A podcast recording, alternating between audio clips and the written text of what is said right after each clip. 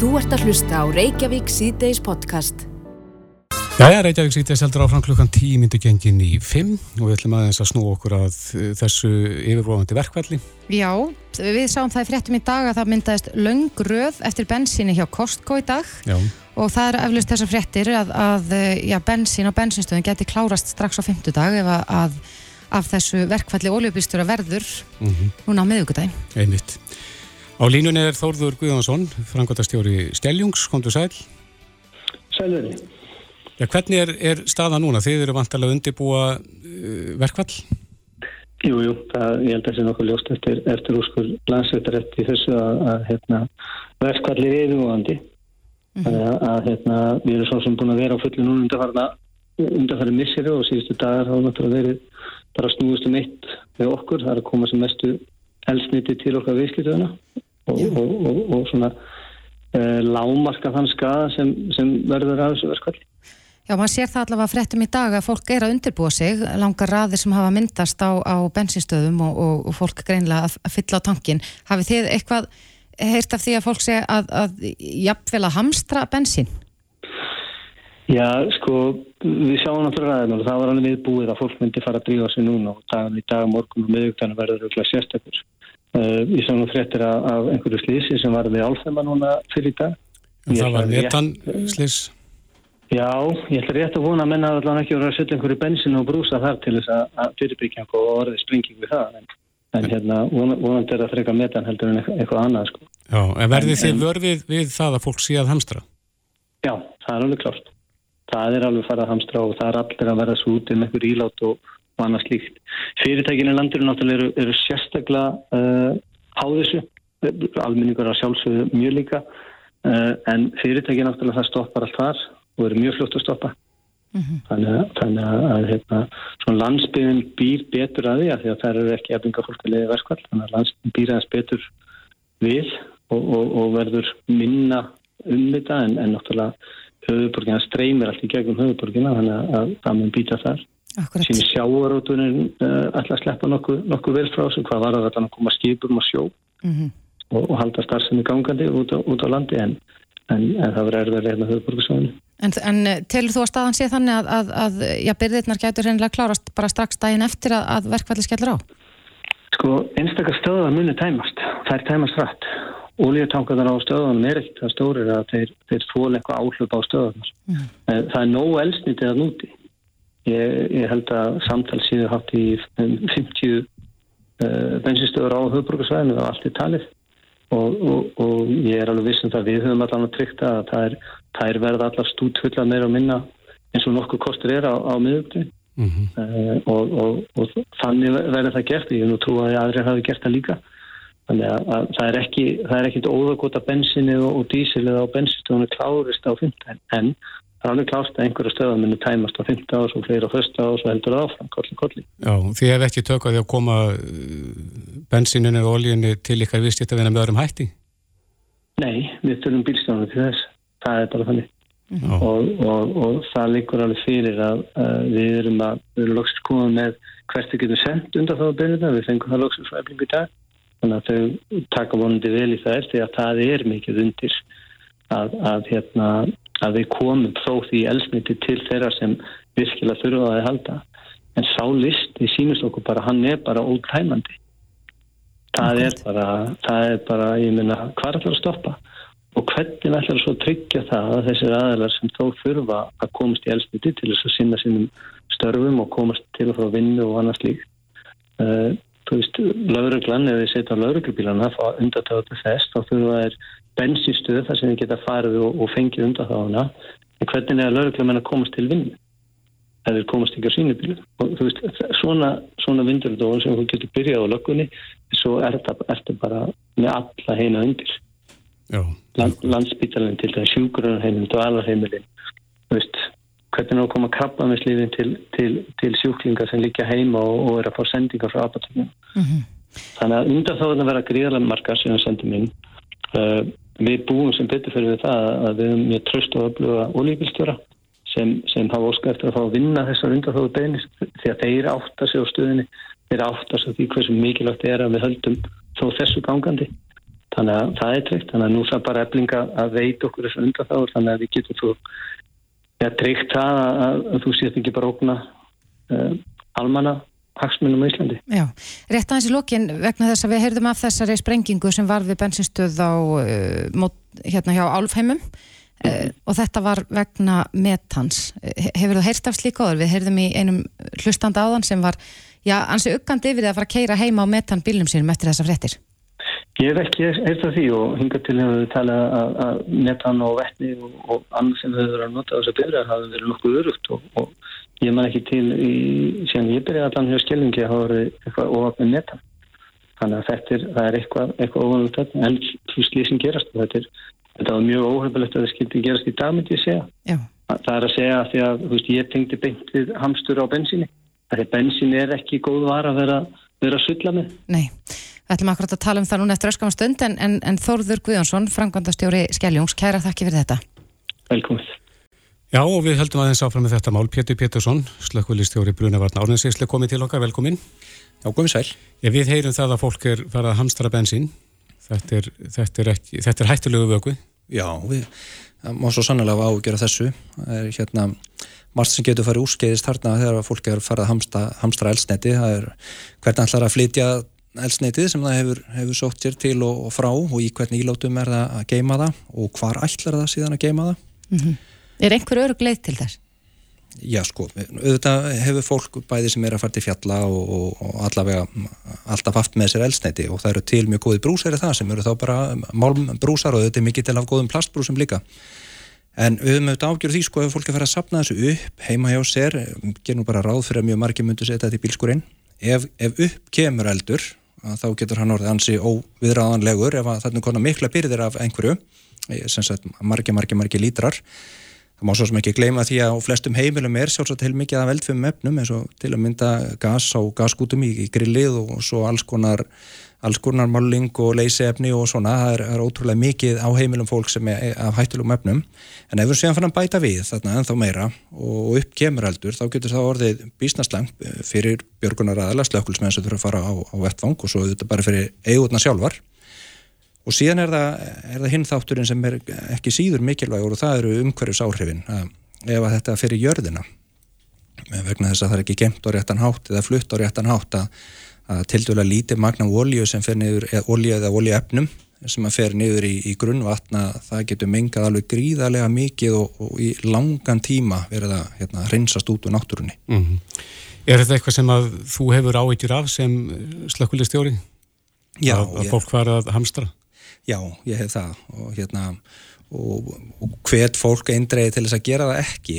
Reyna að finna aðrar leiðir til þess að koma til og frá vinnu ef að, ef að, hérna, ef að þetta fer svona ef að verkvall verður og ef að ef að það stendur í lengri tíma þá held ég að við þurfum hvort þið er alltaf að finna einhverja leiðir til þess að koma til og frá því að það er ekki að hamstra svo mikla, mikið eldsneiti að, að það dugar yfir langt verkfall.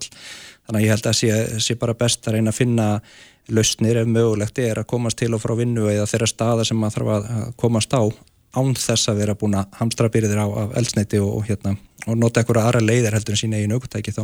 Já, en, en ykkar tæki og tól, Já. eru þið farin að velta fyrir ykkur hvernig þið fáið ykkar ólíu? Já, mér finnst mjög líklegt að það verði farið í þessa und, undan þá leið, það eru ymsa leiðir varðandi undan þáur og það þarf náttúrulega bara að sækja um þær til eflingar fyrir þá sem þurfa þess og það verður án, án efa gert og, og ég ætla að lega mér að segja án efa veitt. Þannig að við hljótum alltaf að hafa bráða þjónustu í forgrunni. Mm -hmm. Hann sagði það einnan Þórður áðana að já, þau höfðu orðið vörfi það að fólk veri byrjað að hamstra með allskynns ílát eins og hann eh, orðaði það. Það hlýtur að bjóða hættunni heim ef maður er ekki með, með næla já, góða brúsa. Já, svo sannlega og, og upp á bæði umhverjastáttin og svo er ekki það þetta, þetta haldist í ílátunum. Þetta þurfa að vera þar til gerðir bensínbrúsar því að bensín sérstaklega það þennst síðan ef það er á heitum stað, þú fyllir brúsan og svo setur hann inn í bílskur, þú fyllir hann á kvöldum stað og, og þá þennst hann og þá byrjar að sullast út úr því. Og það þarf eða að fara að gufa út bensín úr einhvers konar ílátum sem er ekki gerð til þess að geima bensín þá eru, þá komnar þar eldfimar gufur árum við vitum af sem eigur hættuna og ekki er heldur gott að vera að geima þetta utan dyrra ef við, ef við myndum horfa á já, ég má segja fjölbílisús á höfborgarsvæðinu þar sem allir kemdu eldsneiti eða bensin í brúsum utan þeirra, það mm -hmm. geti náttúrulega bara enda með óskupum, það segir sér sjálft við verðum að sína svolítið skinnsemi í þessu Já, mælur með því að fólk bara sleppi þessu alfarið? Ég myndi segja það, já, það myndi bara fylla á bíluna sína og, og reyna síðan að haga sínum ferðum eins skinsamlega og hægt er þarf ég að fara þangað sem að mér langar að fara og svo framvegis meðan mm -hmm. á, á þetta ástand varir. En þeir kætast vantilega í dag rafbíleigendur? Já, gerum, gerum ráð fyrir því Akkurat Kanski rétt líka lókum vegna þess að, að það eru bara nýkomið fréttir þessi sprenging sem var hérna rétt hjá. Er, er það algengt að, að það verði svona sleis með metani?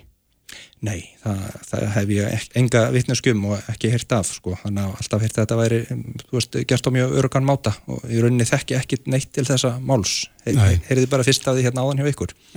Metan bíla eigundur geta andað kannski rólega. Ég myndi halda það og það er náttúrulega bara með að það verða slís auðvitað í öllu hjá okkur og hérna á þess að það er réttlega einnig neitt en, en ég held að við verðum að skoða þetta mál svona áður en að við leipum einhverja stað.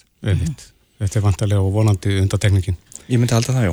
Pétur Pétursson, slökkulistjóri Brunavarna Árnesíslu. Kæra þætti verið komuna. Já, þakka ykkur. Já, já, við ætlum að hlusta á Reykjavík síðdeis podcast. Eh, Ferðarskristói Venezuela auglísir gott velferðarkerfi og há meðalögn á Íslandi. Þetta var eina fréttum helgarinnar. Já, það var eh, já, auglísing sem byrtist á Instagram fyrir ferðarskrifstofuna er Viajes og mm. þar er ég sagt, af hverju er betra að búa á Íslandi? Af hverju er það betri kostur að búa á Íslandi og mhm. útlistað svona svolítið hvað, hvað eh, já, hlutin eru góður hér. Já, en menn leggja mismöndi stilning í þetta mál. Þau eru komið til okkar, segmundur Davík Gunnlaugsson, eh, formadur eh, miðflóksins og artís Anna Kristína Dóttir Gunnarsdóttir, þingmaður Pírata, velkomin. Takk fyrir. Takk. Eh, við byrjum að þér, Seymundur, þú hefur náðist þjáðið um þetta mál og, og finnst þetta ekki í lagi?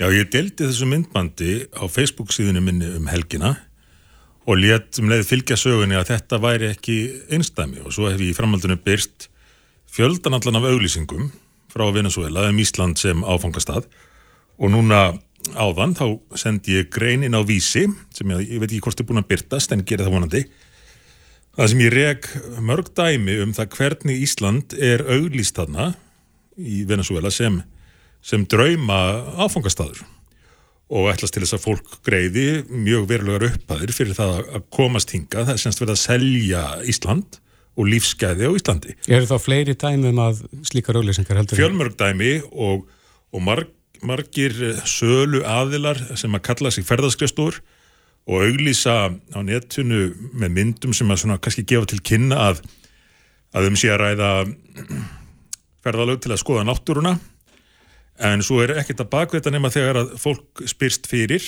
þá færða leiðbynningar um hvernig það er að fara aðra leiðina. Og ég let nú ekki þarfið sitja heldur fjekk upplýsingar frá, frá mannesku sem að hafði fyrir því að hafa samband við sum þessara fyrirtækja Eh, sem voru að auðvisa myndir af norðurljósunum og annað slikt og þá var strax spennt á annarkvort að fara á einhverja spjallhræði eða símtöl mm -hmm. og fór ekki að milli mála til hvers þessar auðlýsingar væru. Þær væru til þess að selja ferðið til Íslands aðra leiðina og svo alls konar gilli bóðum það hvað, hvað byði fólks þar. Og þetta er auðvitað miklu peningar fyrir eh, fólki í Venezuela byrjar í kannski kringum þúsund bandaríkjadali og svo bætist alltaf við því sem líður á ferlið það er ekki margir þar sem að hafa efni á þessu og eru þá annarkvort að eigða öllum spartnaðinum sínum eða jafnvel að setja sér skuld til þess að komast til Ísland mm -hmm. og, og þetta er afleiðing af eins og meirins að domsmálar á þarun viðurkennir stefnu íslenskra stjórnmálda og þeim seglum sem hafa verið búinir til, sérstaklega það er að var úrskurðan um það eh, tólka sem svo að ef þú kemur frá Venezuela þá ættur þú hæla á Íslandi þess vegna er Ísland langt, langt, langt fram úr öllum Evrópulöndum allavega hlutvarslega hvað var þar ásokn í hæli frá Venezuela 1200 manns í fyrra eh, nokkrir og upp í einhverja tugi á hinnum Norðurlöndum á sama tíma mm -hmm. Artís, þú tjáður þau um þetta að gera og segir að það sé ekkert til í því að fólk komi hinga til þess að nýta sér velfærakerfið og það séu allskynns flökkusögur í gangi bæði hér og í öðrum löndum. Þegar að, að segjumundur lýsir þessu sem svo eh, að þetta séu auglýsingar sérstaklega til þess að hjálpa fólki að flytjinga, er, er þetta ekkert þannig? það er náttúrulega mikið ágefni hvernig orðræðin er orðin í þessu og það sem að kannski ég veiku mesta undrun er það að uh, þing, þingmaðurinn og fleiri líti svo á að það að fólk sé að koma enga sé einhvers konar sé að það sé slæmt. Það hefur komið ítrykka fram á undanföldum missurum á okkur sárvandar fólk og auðvitað er þarna undirliggjandi þeir, þeir fordómar og svo ránkugmynd að fólk að flóta sér eitthvað öðru sem annað fólk. Í þeirra hópi er líka heilbriðstarsmenn og er, þetta er bara fólk.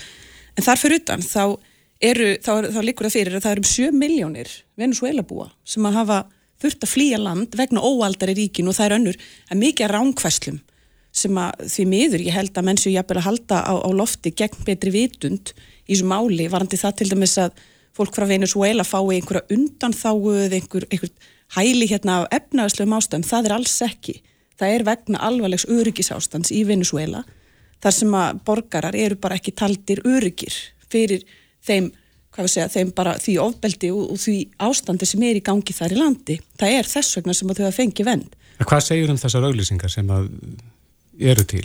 Uh, auglýsingarnar náttúrulega eiga við um öllönd. Það eru alveg öllönd í rauninni fá, eh, það eru bent á hinn og þessu lönd og reyndar mm -hmm er þessi tiltekna ferðarskristofa með lista yfir ríki þar sem að Ísland er ekki einu sinni sem er þess að listi yfir bestu löndin til að fara á.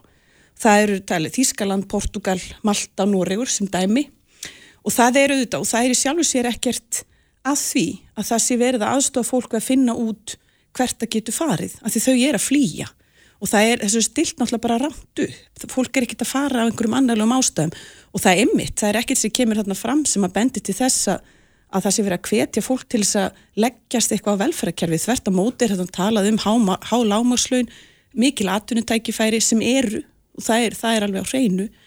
Og í þvíljósi þá má til dæmis nefna það að nú þegar eru um 500 miljónir mannar sem að getur flutt til Íslands og morguna og svo spurja kongaði prest, bara skrá sig í þjóskrá en þau gera það ekki þannig að það að nefna hversu margir segja, geta komið eða annars slíkt það, það er engungu til þess fallega að skapa ykkur nóta, okkur vantar fólk hérna og áskoraninni sem við erum að vera einbit okkur að er hvernig tryggju við að alltaf fólk sem okkur vantar hafi til dæmis húsnæði, innviðnur okkar síðan lægi, þetta er það sem við erum að vera einbit okkur að. Það að fólk vilji flýta til Íslands, það er, það ætti bara að vera því besta mál.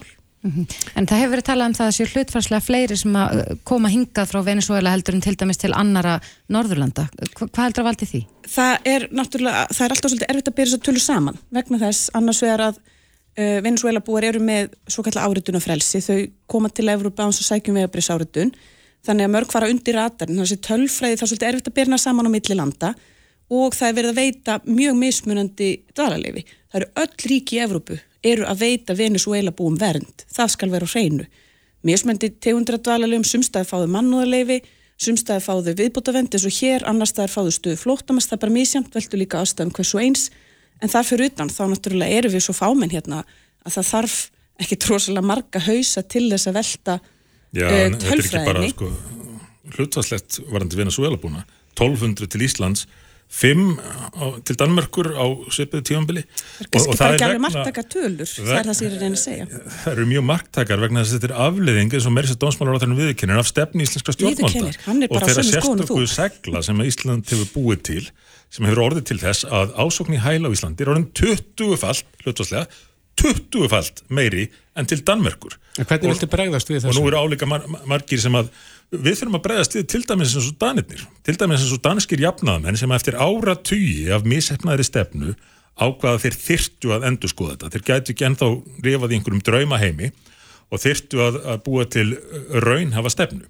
Varandi fólk frá Venezuela, þá, þá vil ég nú segja ég hef fullan skilning á því að þú byrði í Venezuela það sem er búin að vera hrein vinstri stjórn í mörg áru og búin að eiðilegja miklu leiti tækifæri þessa auðvöla lands, gjöfula lands að þá viljur flytja til Íslands. Ef ég var í Venezuela uh, þá vona ég að ég myndi fara að nýta tækifærið og fara að stað til Íslands með fjölskylduna og, nýta tækifærið til þess. En það þýðir ekki að við getum litið fram hjá umfangi þess vanda sem við erum að eiga. Það er sífælt nefnt að 100 miljónir manna séu á flotta og svo fjöldum en bara aukast eftir því sem að lífsgæði í heiminum batna þá eikst ströymur fólks frá löndum, hælisleitunda. Þetta er öfurt í það sem að sumir kannski ætla en, en fólk byrja fyrst fyrir alvör að fara frá löndum þegar það hefur efni á því að ferðast til Vesturlanda og sækja þar um hæli og nú var þessi skilgrein gefin út varandi Venezuela á Íslandi sem að svona gefur til kynna að allir sem koma þaðan vegna þess hvernig ástandið er í landinu er rétt á hæli hér á Íslandi í 360.000 manna landi. Uh, ímyndum okkur hvað gerist ef samskonar skilgreining verður gefin út um önnur lönd þar sem að lífsgæð og öryggi eru síst betri enn í Venezuela, Pakistan, land sem er nálgast 300 miljónir, Kongo, lönd mið-Ameríku, önnur lönd Söður-Ameríku, Bangladesh og þannig mætti lengi telja. Og á það afstæð okkar að vera svo að af því að lífskjör eru þar tölvert lakar en á Íslandi og, og eru ger minna að allir sem að vilji frekar búa í Íslandi eigi rétt á því. Þetta er ekki raunhaf nálgun. Viltu breyta skilgrinningu fólks frá þessu landi? Vi, við þurfum, svo ég vísi aftur í, í dönsku stefnuna, hann á tökum á þessu sjálf. Þess að saði Mette Fredriksen, fósættisræðara Danmörkur, að markmiðið með stefnu þeirra væri að enginn, enginn mætti til Danmörkur til að sækja þar um hæli. Danir myndi áfram taka á móti flottamönnum en þeir ætti að sækjum annar staðar og Danir að ráða því hverjum er þið búið til landsins til að þeir getu hjálpað helst í fólki sem er í mestri neyð. Danmörk má ekki vera sölu var að glæpa gengja, saði Mette.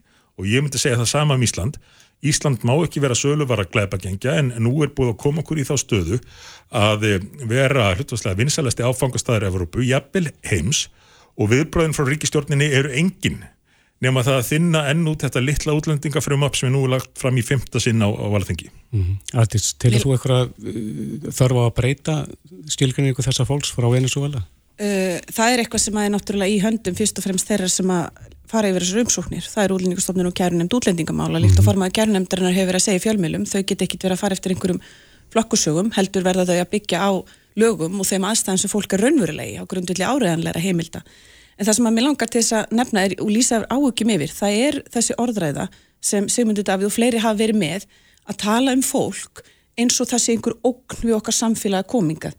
Og það, þetta nefnilega, þetta er, þetta gengur algjörlega gegn því sem við eigum að vera að gera. En er enginn takmörk? Vegna þess að það sem, að sjálfsögð ekki, vegna þess að það, ein, það sem að áskorunum fælst í er þegar að, þegar að fólk kemur að og kemur í nýtt land og annað, það er hvernig tekið á mótið því. Fólk heyrir alveg þessa orðræðu líka og það upplifir þessi skilabóð og ég veit um einstaklinga hérna nú þegar á Íslandi frá Venezuela sem hafa ágjörð því að þessi orðræða muni auka anduð í þeirra garð og það er bara mjög slengt mál og það gengur gegn þeim markmiðum sem að við eigum að vera stefnað sem er það að láta þetta allt ganga vel. Ef við tryggjum það að það sé tekið vel á móti fólki og að við sjöum að byggja einn upp okkar innvið og einbytt okkur að því sem skiptir máli, okkar gildum, okkar innviðum og bara því þessu landi sem við erum að byggja hérna upp, þá verður þetta allt í lagi, þá þurfum við ekki að ágjöra einu með einu fjölda. Það er bara svoleis og þetta er bara hræðslu áróður og hann er bara mjög alvarlegur, þetta er bara mjög alvarlegt og þetta verður að hætta.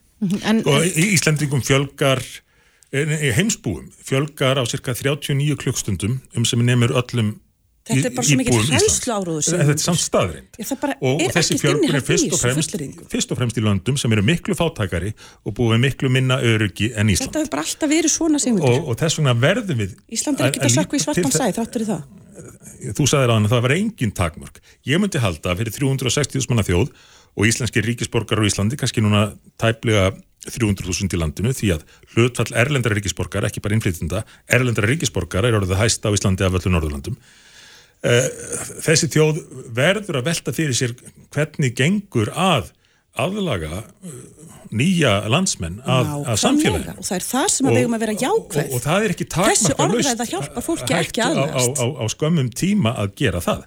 Og við þurfum líka að forgangsraða möguleikum okkar á að hjálpa fólk í neyð hjálpa því fólki sem er í mestri neyð til þess að geta gert sem mest gagn fyrir sem flesta þeirra sem er í mestri neyð. En út frá, út frá hvaða fórsendu vilt þú forgangsræða? Við erum, við erum að tala hérna um eins og, eins og þegar við bæði nefnt að, að ástandi mm. í Venezuela er vissulega slæmt Já. og þar er eflust mikil eh, stórhópur af fólki sem vil koma hingað til þess að flýja.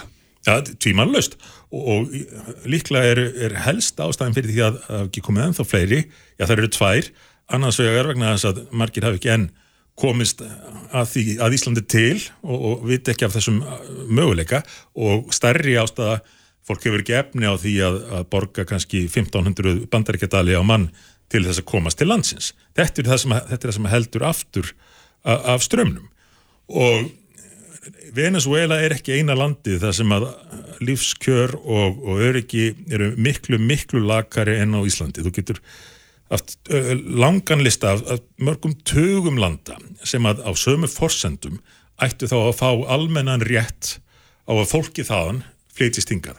Og aftur nefn ég 39 klukkustundir fjölgunin í heiminum jafngildir öllum íbúum Íslands. Kallar þetta ekki á að við reynum að hafa einhverja stjórn á atbyrðurásinni svo ég bæti því við aftur að ef við viljum gera sem mest gagg fyrir fólki neyð þá verðum við að forgangsraða rétt. Og þegar neyðar ástandi kom upp 2015 og stríðsins í Sýrlandi og ég var í ríkistjórn þá laði ég áherslu á það að við tækjum á móti fólki hingað sem að væri í neyð og ætti ekki, aft, ekki aftur snúið en við þurftum líka að sinna nærsvæðunum. Vestræni stjórnmálamenn gleima nærsvæðunum til dæmis Líbanon sem er kannski með einu og halva miljón flottamanna og það er takmarka verið að hjálpa þeim af því að stjórnmálamönnum á Vesturlöndum finnst miklu, líta miklu betur út fyrir sig að fá bara fólki til sín til að það sjáist hvað þeir eru góðir. Það er náttúrulega alls ekki tilfellið. Það er fyrstulega það er gríðarlega mikið, alltfjörlegt samstarf, það er gríðarlega mikið verið að reyna að aðstofa fólk í þessum ríkjum. Fjöldin er bara þannig að þau ráða ekki, eitt, ekki veit eða neitt. En við gerum því til hundarsunum er að gagð þar. Uh, því er 100% ekki samála fyrir þetta er ekki, þetta er ekki ríki sem við höfum stjórna og að tala svona er bara þessi sama orðræða að fólk, við viljum endilega hjálpa fólki við viljum samt hafa það einhverstur annars þar og þetta er svo neikvæð orðræð og þetta er bara rosalega slæmt fyrir þær áskoruna sem við stöndum frammi fyrir. Fólki langar að, að geta flutt heim. Já, með það, til dæmis þetta að uh, við erum að taka máta fólkinu sem er mestri neyð. Samt er alltaf þessi gríðalega krafa um það að fólk taki þátt í atvinnumarkað og annar fólki sem er mestri neyð er fólk sem er ítla statt og það er sannarlega fólki sem við erum að hjálpa. Það er staðfest að Venezuela búar þau fá venditna vegna þess að það er ekki talið hægt að senda þau tilbaka. Og það líkur líka fyrir að langstæstu hluti þeirra leitar til nágrannaríkjana miklu miklu fleiri heldur en hinga þetta er bara eitthvað pínulíti brotabrót nágrannaríkja Venezuela já, já, já. og langflestir í Evrópu til spánar vegna þess að þau skilja tungumálu og annað. Það er auðvast að fólk leita þanga sem að það sjálft upplifir að það sé velkomið og það, það ekki bara, líka bara það sem að það sé fyrir sér lífsviðværi fólk er ekkert mm. bara elda peninga, það er elda líf það vil eiga eitthvað svona líf, það vil geta sett böttin sín í skóla og farið í vinnuna og verið örugt og það er það sem að skipti náttúrulega máli. Þetta langar líka bara að segja hana auðvitað snýst þetta um mannúð en þetta snýst líka, þetta snýst ekki bara um mannúð. Stundum langar mér svolítið bara að leggja þetta til hliðar og segja þetta snýst um það hvernig samfélagi við viljum búa í hvernig samfélagi viljum við búi viljum við ekki búi í samfélagi þar sem er fjölbreytilegt fólk og það er stöðuleiki og það eru tækifæri? Þetta er það sem við hefum að vera einbit okkur að. Og eins og ég segi, þú, þú ert alltaf nefna þessa tölu Sigmundur, það eru 500 miljónir í Evrópu og ég skil vel og teku undir það með Sigmundi að Ísland er gott land, það er mjög fínt. En ég hugsaði það nú í stór hríðin í hérna um daginn hvort að ríkistjórnir eftir ekki aðeins að prófa að lappa út á götu og segja mig síðan að allur heimurum vilja endalega að flytja enga til lands. Það er mjög erfitt að búa í Íslandi, gríðilega erfitt fyrir fólk sem kemur frá löndum þar sem að þú getur borðað inn eða úti eftir því sem þið hendar að komingað og vera innilokaður allan daginn. Það er mikil áskorun, við erum vönusu, okkur finnst Ísland frábært og ég skil það að margir upplifið það þannig að allir hljó, heiminum hljóta vilja búa hérna af því okkur finnst það gott. Mm -hmm. en okkur finnst það gott vegna þess að við erum velkomin hérna vegna þess að við finnum okkur. Það er það sem fólk er alltaf að leita að. Og þannig samfélag viljum við byggja upp. Og það er það sem við erum að vera einbit okkur að. Ekki það að vera að hræða almenning fyrir því að hinga sér að fara að flytja á fleiri fólk eða það að fólk sjá í Ísland sem Vi, við verðum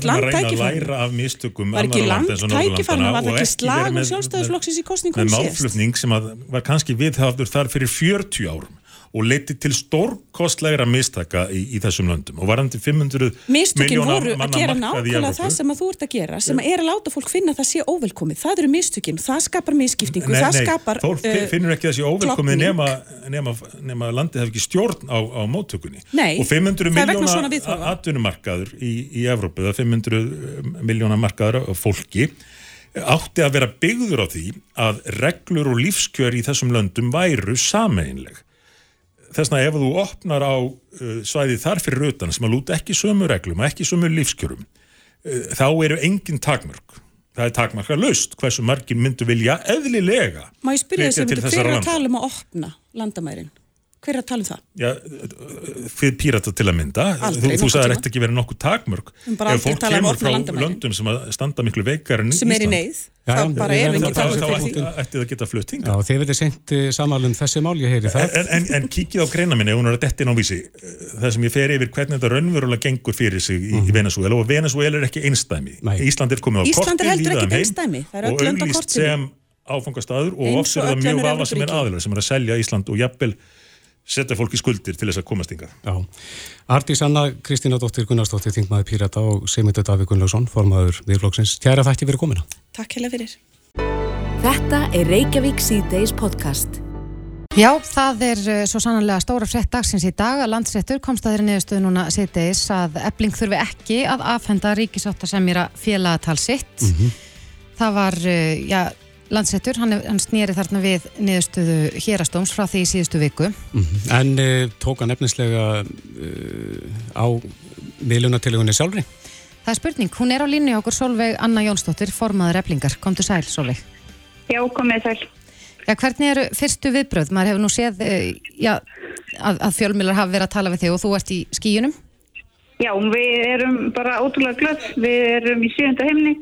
Okkur er létt um, yfir því að þessi niðurstaða sé komin. Við sagtum þess að byggumst ekki við þessu. Um, þannig að við erum kannski bara glafar í þess vegna heldur en ef við hefðum verið einhvern búin að rekna með að þetta erði niðurstaðan. Þannig að já, bara mik mikil ánægja og gleði. Já, en, en tók uh, landsréttur efnislega afstöðu til miðlunatileguna sjálfrar? Nei, um, meðlunatilegan hún er uh, auðvitað ólögleg en það er ekki búið að úrskurða um það fyrir um, domstólum. Nei, en Solveig, nú er, er uh, já, yfirvóðandi verkfall í þessari viku hjá bifræðastjórum og, og uh, hótel, hótelstarfsmönnum ásakið og svo er það að fara að kjósa um áframhaldandi verkfall. Uh, Hver er, hver er svona næstu skref hjá ykkur? Er til skoðunar að setjast niður og, og reyna að semja? Já, mjög góð spurning og uh, mikilvæg. Um, Staðröndin er svo að við erum bókstólega eini aðilinn í öllu þessu fáránlega máli sem við höfum verið dregin inn í sem að höfum um, ekki bara svo eftir því að fara eftir lögum heldur höfum raunverulega vilja að semja og þetta er auðvitað mikilvægasta um, spurningin á þessum tímapunkti um, er ekki einmitt komin tími til þess að binda endi á þetta fáránlega rugg þennan um, skrýpaleik sem hér hefur verið settur af stað um, og gera eina rétta í stöðunni sem er auðvitað af samja við eflingu sem að hefur sínt uh, frá fyrsta degi mjög raunverulegan og ríkulegan samningsvilja. Já. E, og er, er það fyrirhugað að setjast niður og, og tala saman? Já, ég auðvitað vona að þessi niðurstaða um, síni mönnum fram á það að í stað þess að, já eins og ég segi, halda þessum skrýpaleik áfram þá um, eigi samtökatunlýsins að gera það sem að þeirra skilda þetta er, sem er bara að koma og gera eblingarsamning við eblingarfólk. Um, kröfur okkar eru mjög sangjarnar og jarðbundnar. Við höfum sett þær fram uh, allan tíman með mjög skýrum, skilmerkilegum, málefnarlegum hætti. Uh, hvað aftur að þetta gerist, hvort að menn eru tilbúinir til þess að einmitt jarðtengjast loksins eins og ég hef um, ítrekkað óskað eftir að menn geri uh, veit ég ekki uh, en ég menna ef að þetta er ekki rétti tímapunkturinn til þess einmitt að gera það þá veit ég ekki alveg hvaða, hvaða tímapunktur uh, er þið hinn rétti Nei, en að þínum að í hvaða stöðu er ríkisáta sem er núna eftir þessa, þennan dóm? Já, um, við höfum auðvitað sett fram mjög skýra kröfu að ríksáttsamili segi sig frá deilunni. Um, Sú krafa stendur og er auðvitað í ljósi þessarar niðurstöðu um, eins bara augljós og skýr og hægt er að hugsa sér. Ef það gerist ekki, og hvað ég þá? reikna, ég reikna bara með því að hann hljóti að segja sig frá deilunni og að annars verði skipaður í hans stað. En ef ekki, myndi þið setjast niður með, með núverandi ríkisáttasemjara og samtökum atvinnlýfins til þess að reyna að leysa delina? Uh, Það er augljóslega ekkert tröst um, hjá eblingu í garð ríkisætsamera. Um, hann einfallega verður að segja sér frá þessu deilu og það einfallega verður að skipa annan í hans stað. Það er augljóst mál. En hvernig sérðu fyrir þið framhaldið? Uh, já, eins og ég hef nú verið að reyna að segja, þá er um, framhaldið í okkar huga það að binda mikla vonir við það að menn komi nú og gerum við okkur samning. Ef að svo er ekki þá erum við uh, í verkvöldum, fleiri bætast við núna á meðvíkudaginn og svo fer uh, innan skams aðtækriðslega stað um, næstu verkvælsbúðanir og ég er þess fullvissum að, að þær verkvælsbúðanir verða líka samþygtar eins og þær sem að uh, komið hafa á undan þannig að ef að menn vilja ekki semja við okkur þá er þetta bara að halda aðgerðir okkar áfram. Mm -hmm. En það var fjallan það um helgina Solveigana að já, ríkisáta sem er að gerði samkómulag við ykkur um, um að taka máli ekki áfram til hæstaréttar. Býstu við því að, að hann standi við það, það lofórð? Um, já, nú að fara yfir þetta samkómulag rétt á þann og uh, hann um, hefur skuldundið sér til þess, líkt og við gerðum, að fara ekki áfram með þessu niðurstöðu. Þannig að ég, um, ég mynda mér að hann sannlega ætli sér að standa við það, annars væri náttúrulega, já, annað væri mjög óæðilegt og auðvitað bara óþólandi uh, með öllum. Lögspillingar hafa líst því yfir að hann hafi jafnvel eitt umbútt til þess að semja svona?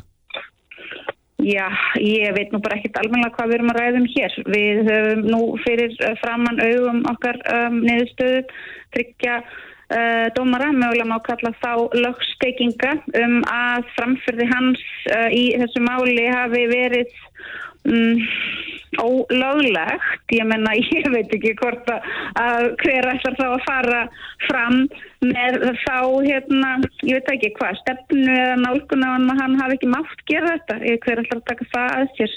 Ætlar, ætlar fórsættisraður að gera það? Ætlar alltaf Benjamin að gera það? Þið þurfum að styrja aðra en mig um þann svona fyrðulega parta af þessari, þessari fyrðulegu atbyrðarásatri. Mm -hmm. En Solveig, þú settist niður með Katrin Jakobsdóttur fórsættisraðara uh, fyrir helgi.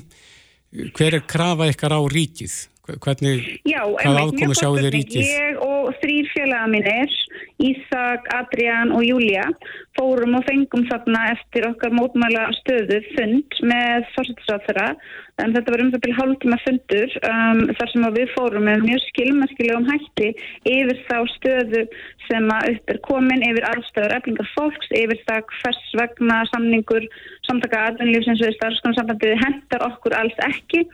Um, krafa okkar er auðvitað fyrst og fremst svo að um, uh, ríkisættasemeri uh, viki burt frá þessari deilu og annar verði skipaður í hans stað.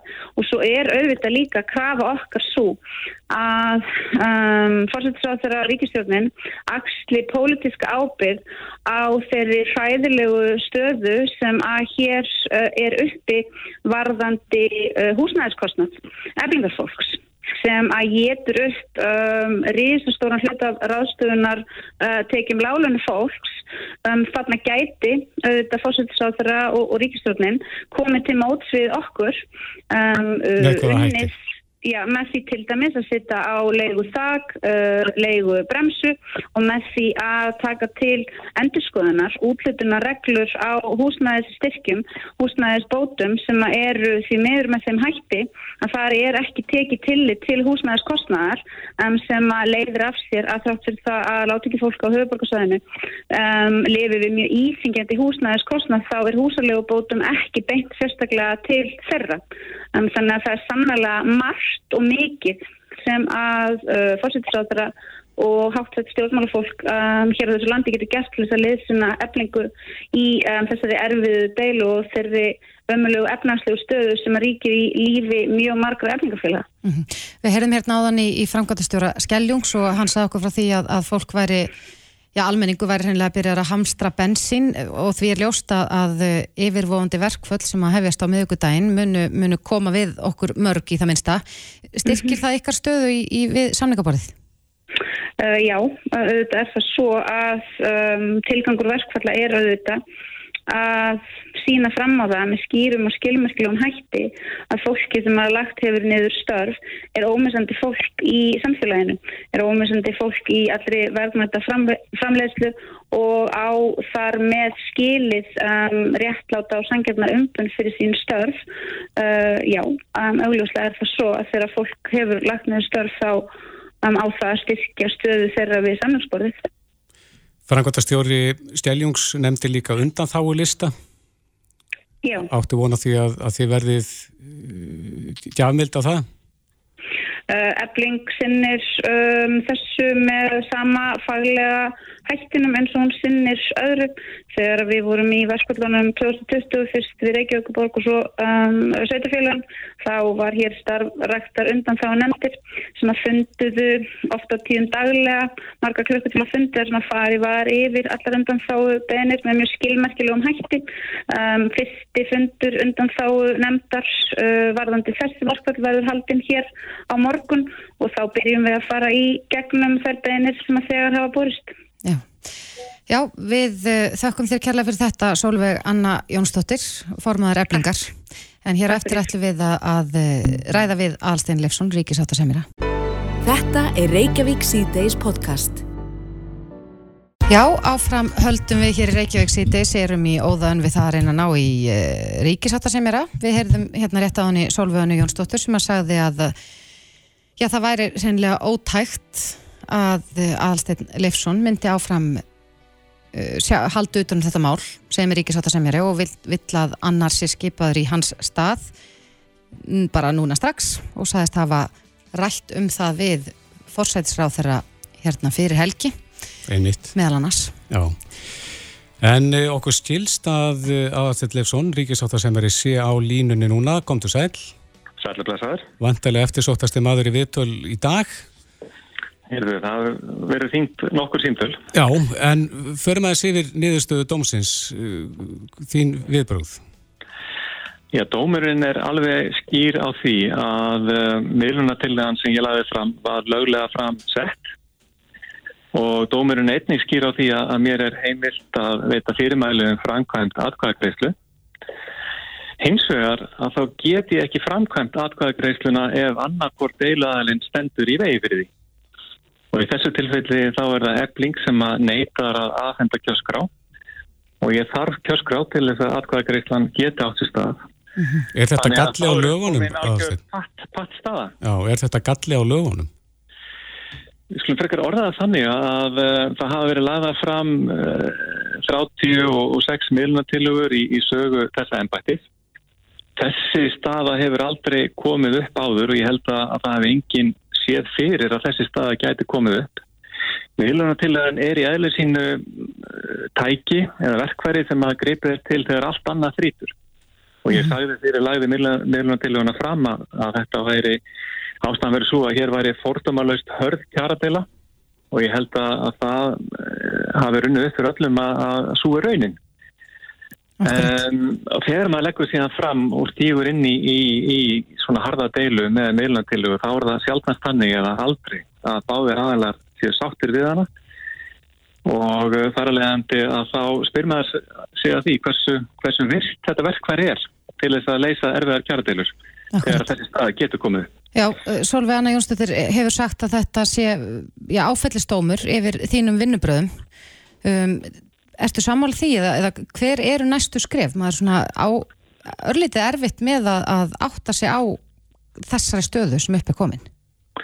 Já, ég er allsendis ósamála því.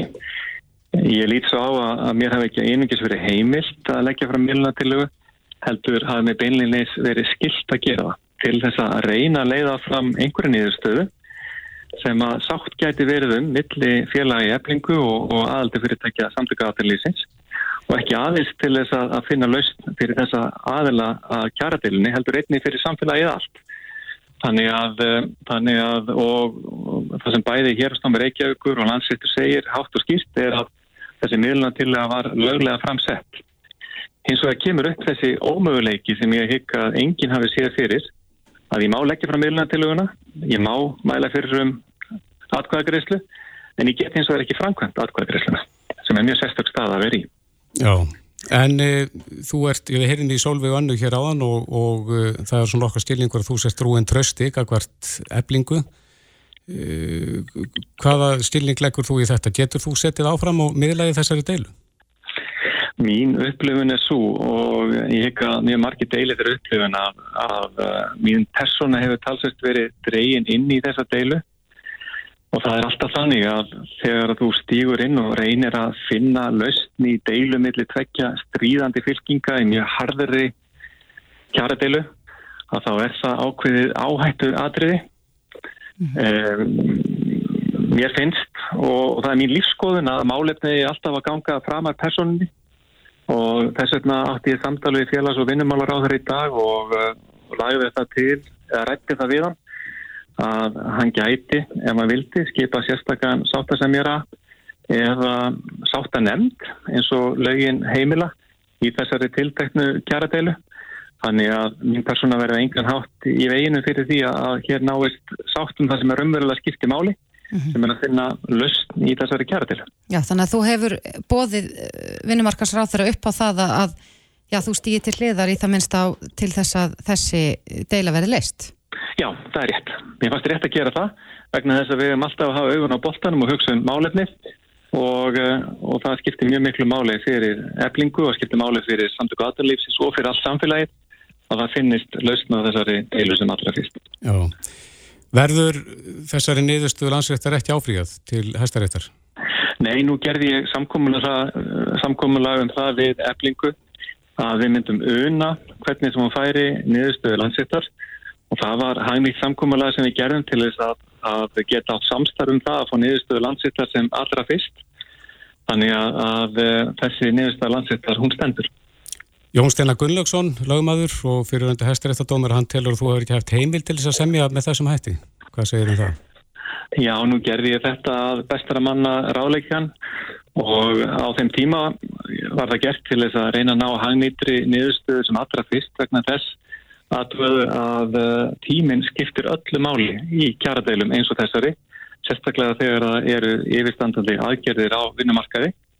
Það var alltaf að spyrja sig að því hvort það hefði verið skinsamara að halda í heimildina til þess að áfríða málunu til hæstarétta sem að það báðir aðalega hefði getið gert en þá ber að hafa í huga að, að öllu jöfnu að þá tekur það mjög langan tíma og það hafði sérstaklega við að var ekki næst samkómalega mill aðala um að flýta því eins mikið og mögulegt er. Mm -hmm. Já, alls þetta, þú hefur auðvitað verið viðstatur marga fundi þar sem að aðilar ræða saman og, og við höfum auðvitað heyrt af þessum sögulega stuttafundi hér fyrir mm -hmm. nokkrum dögum síðan. Mm -hmm. er, ertu bjart síðan á að, að við sjáum einhverja lausna á þessu máli á næstunni?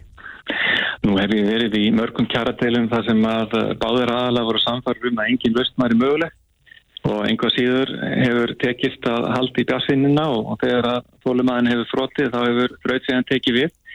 Þannig að maður á alltaf að, að reyna og halda áfram. Um, hins vegar hef ég líka sagt að, að þetta er fordömmalöst hörð og, og erfið og, þung kjaradeila.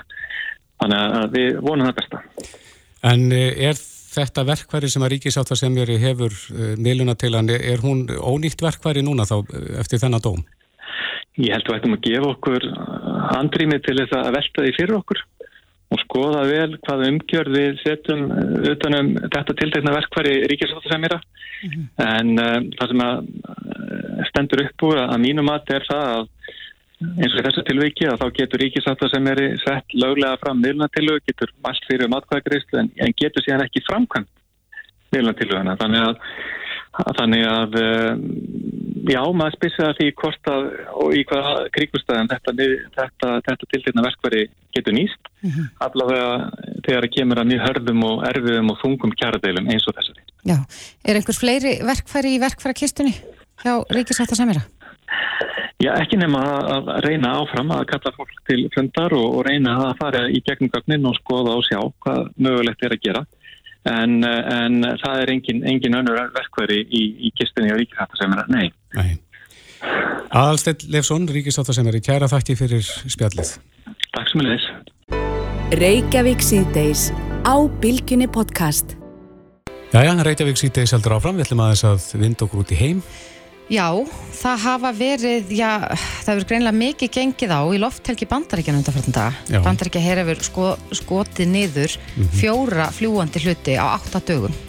Já, og, og nýjustu fréttur eru þær að þeir bara viti ekki hvers heims þessir hlutir eru. Já, það er talað um fljúandi förður hluti, átt hirnda hluti en, en uh, það er ekki langt síðan að skotin var niður uh, svona njóstna belgur, er það ekki kallað það? Jó, frá Kína kínverjar þeir viðkjönd að, að veiga hann mm -hmm.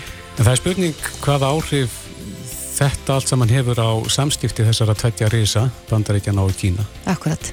Hann er á línu hjá okkur í beitni frá Bandaríkunum, Baldur Þórhalsson, professor í stjórnmálafræði við Háskóla Íslands. Kom til sæl, Baldur. Komið sæl. Já, Baldur, hvaða áhrif hefur þetta? Nú, nú er kannski erfitt að greina fréttum hvað í ósköpunum það er sem verið er að skjóta niður, en, en er uh, stærðarinn að millir ekki að deila í uppsýklingu eða hvað? Sko það hefur komið fram að þetta fyrsta fyrirbæri sem var skotið að niður var njósnabelgur frá Kína mm -hmm. en það hefur ekki ennþá verið gefið hvað, hvað er nýjustu hlutir sem skotið hafa verið hvað það er. Einnig átt að menn sé ekki á því sko hvort að þeir eru sendir, sko að vilja sendir til bandaríkjana eða hvort þeir hafa einfallega vilst að leið. Ég held að menn ger nú ráð fyrir að allir þessi loftverkir séu nú kynveskir ykkur kannski svona njósna búna frekar en veður eftir litt stöðvar en hvort það sé sko hafi verið markmið Kína að setja á það hérna yfir það væri á daldið aðbyggisverki það væri það væri daldið svona uh, blöðtuska í framar í bandaríkinn þetta er náttúrulega auðvitað að kemur fram á ratan hjá þeim mm -hmm. uh, en ég held að þetta endur speklingum kannski þess að vaksandi samkeppni sem er þessara heimsvelda og sem ég held við séum að horfa á í komandi, komandi framtíð. En þetta virðast vera nokkri mismunandi hlutir, menn talað hann um uh, að eitt hluturinn hafi verið sívalningslaga og menn veit ekki hvernig hann er knúin áfram og svo talaður um átt hindan hlut líka. Er þetta mikið í fréttum í bandaríkjónum í dag? Já, þetta hefur verið fyrsta frétt gera í öllum, öllum fjölmjölum og með velta þessu mikið fyrir sér e, og svo er náttúrulega erum en að reyna að nota þetta í pólitísku tilgangi. Republikanar er að gaggrína bæten fyrir það, það gæti ekki nógu vel af e, lorthelginni og öryggi bandaríkjana því að þessi hlutir eru, það var fyrst og fannst eru skottið niður vegna þess þeir eru taldið ókna fluguriki, þeir voru komið svo eh, lagt, þessi nýjustu hlutir yfir Kanada og Bandaríkjónum, að eh, þannig að mennur eru fann að kýta sér um þetta, hvort að öryggis Bandaríkjónum sé nógu vel eh, gætt.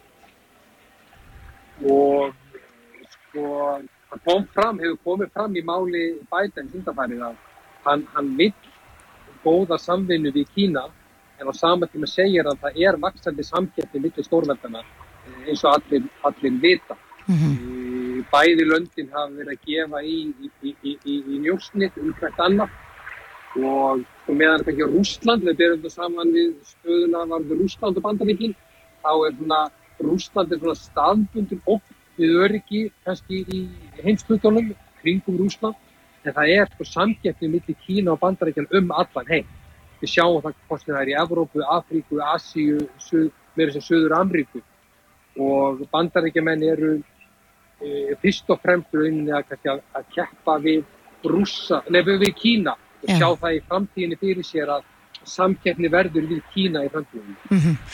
Yfir maður loftvarnastofnuna Norður Ameríku, hann hefur sagt að, að þetta sé sko í fyrsta sinna á fríðartímum sem að þessi staða hefur verið í bandaríkunum. Eh, er hægt, er, er, er hægt að spá eitthvað í spilinum um hvað gerist næst? Ætli þetta stegu magnist eh, þessi svona já, átök ef átök má kalla?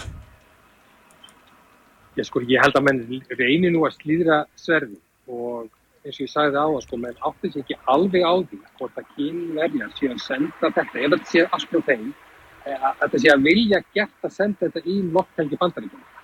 Ef að svo sé, þá er þetta daldi svona, svona hörð og daldi svona, ekki ekki einhvern árás á bandaríkjum, þetta lítur nærri öryggi bandaríkjum.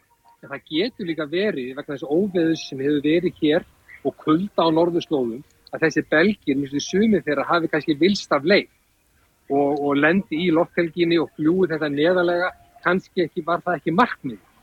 Þannig að við skulum kannski ekki alveg draga, segja strax að þetta hafi sér allt með vilja gert að hálfu kymniska stjórnvalda.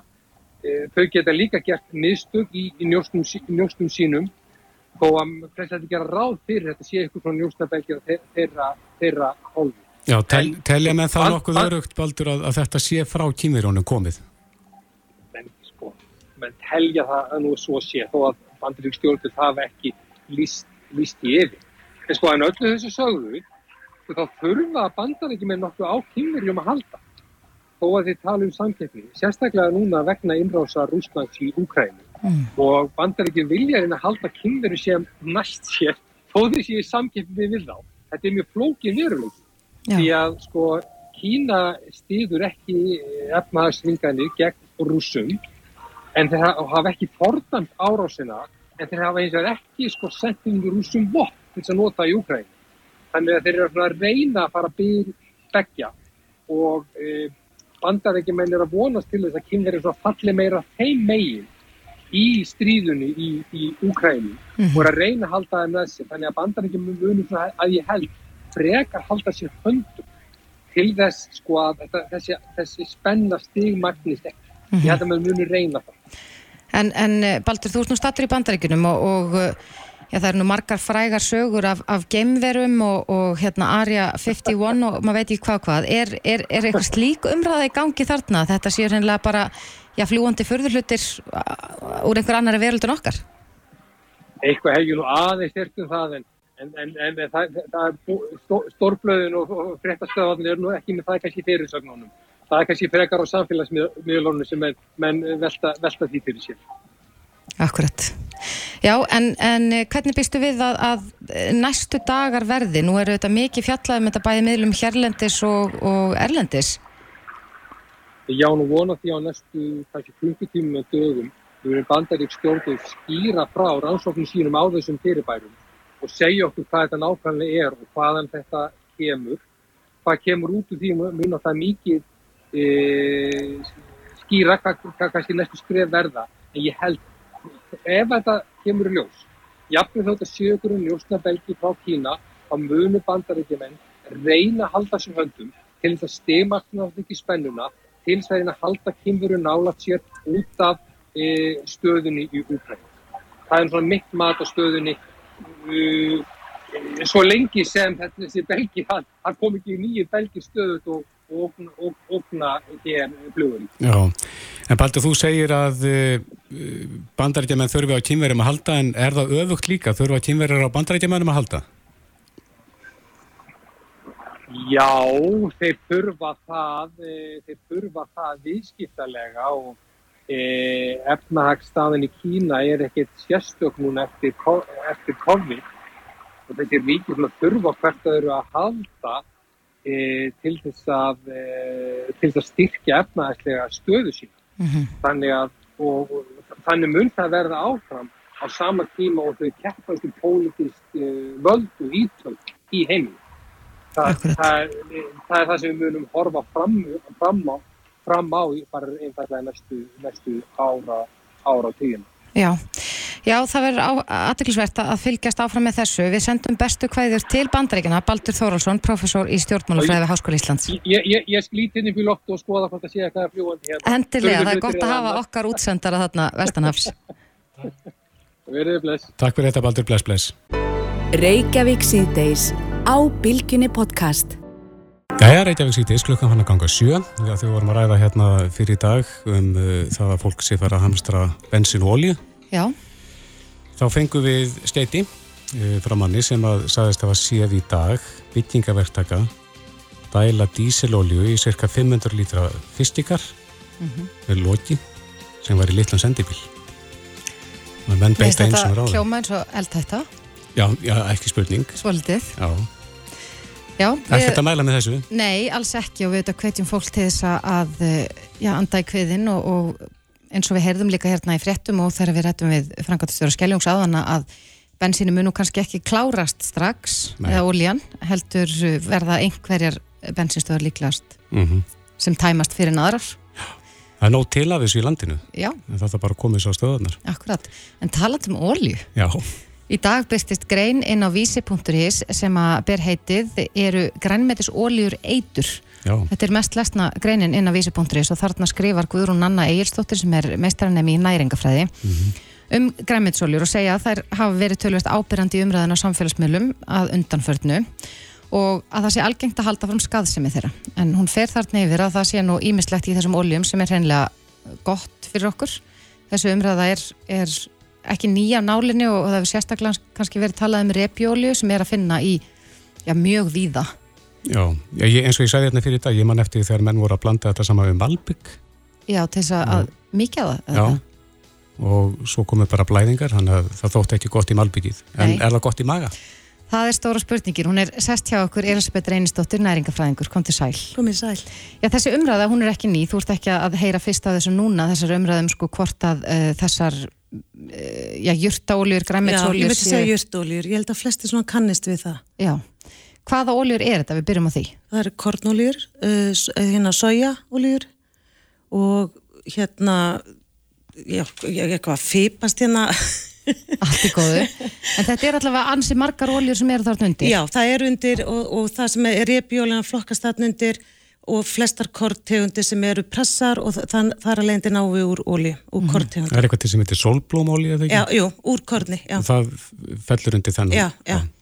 En þetta virðist vera einhver deila í gangi. Það er, er nú ekki langt sérna við fengum hérna til okkar uh, tvær konur frá embætti landlækni sem að, að já, vilja kvitt upp á það að, að þessar óljur séu góðar fyrir okkur. En svo eru ymsir sem að halda því fram að þetta reynilega auki að, að neyta þessar ólja, bara auki bólgur í líkamanum annað slíkt. Já, ég er þar. Ég held að þessa ólíu séu bara alls ekki góða fyrir okkur og ég get bara, ég mæli ekki með þessu. En við þurfum á þessu óljum að halda. Það er sérst, við þurfum á omega-6 óljum sem eru þessar óljur úr sögja og solblóma og korni. Við þurfum alveg, sérst, einhvern hluta af þeim en ekki því magni sem við erum að neyta í dag. Við erum að neyta þessar ólíu svo margföldu magni, þannig að mér er mjög óabyrt af embandi landlagnis að ráleika þessar ólíu til matagerða því að það, það er valdabólgum og við verðum þá að hafa omega-3 fitu, þrjár fytusýrur sem kom úr fiski og fiskiafurðum á móti til að- að vinna gegn því við fáum bólgur. En, og hlutfallið þarf að vera jæmt í dag er talið að omega-6 sé 30-falt miða við omega-3 Hvað gerir omega-6 fyrir líkamann? Omega jákvætt eða neikvætt Já, bara Þa, bæði? þetta er lífsnöðsilegt, þannig að þetta vinnur með eh, omega-3, þannig að þetta er í raunin að hjálpa okkur í sambandi við blóðið, þetta hjálpa okkur í sambandi við ónæmisvörun, en það þarf að vera í þessu rétta hlutfalli. Fáið þetta úr einhverju öðru heldur en þessum óljum? Nei, þetta er okkur lífsnöðsilegt að fá þetta úr olju eða, eða úr korni. En það sem gerist er að þetta eru ódýra oljur, uh, mikil yðnar í kringu þær og við erum að nota þetta í matvæla yðnaðan í allt og miklu magni.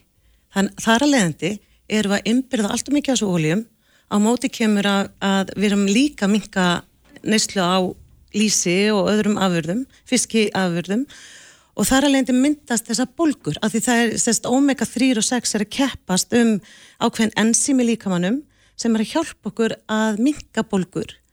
Og ef að omega 6 nær yfirhöndrina þá er bara bólgurnar í, í bara hæðstu hæðum Já, það er nú mikið talað um það að, að já, fiski neysla, hún er alltaf minni og minni. Já.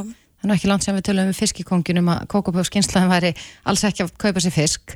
En, en eh, já, þannig að ef að við erum að neyta mjög mikið af þessum óljum og ekki að fá inn, inn þessar góðu fytur úr til dæmis feitum fisk, að þá, er það erum við að uppskrift fá- á bólgur. þá eru það skrifta bólgur og það sem er alvarlegt í þessu að bólgusjúkdómar þeir eru aukast og við erum ennþá ekki að staldra við þarna og koma með okkur nýja ráleikingar hvað er hægt að gera?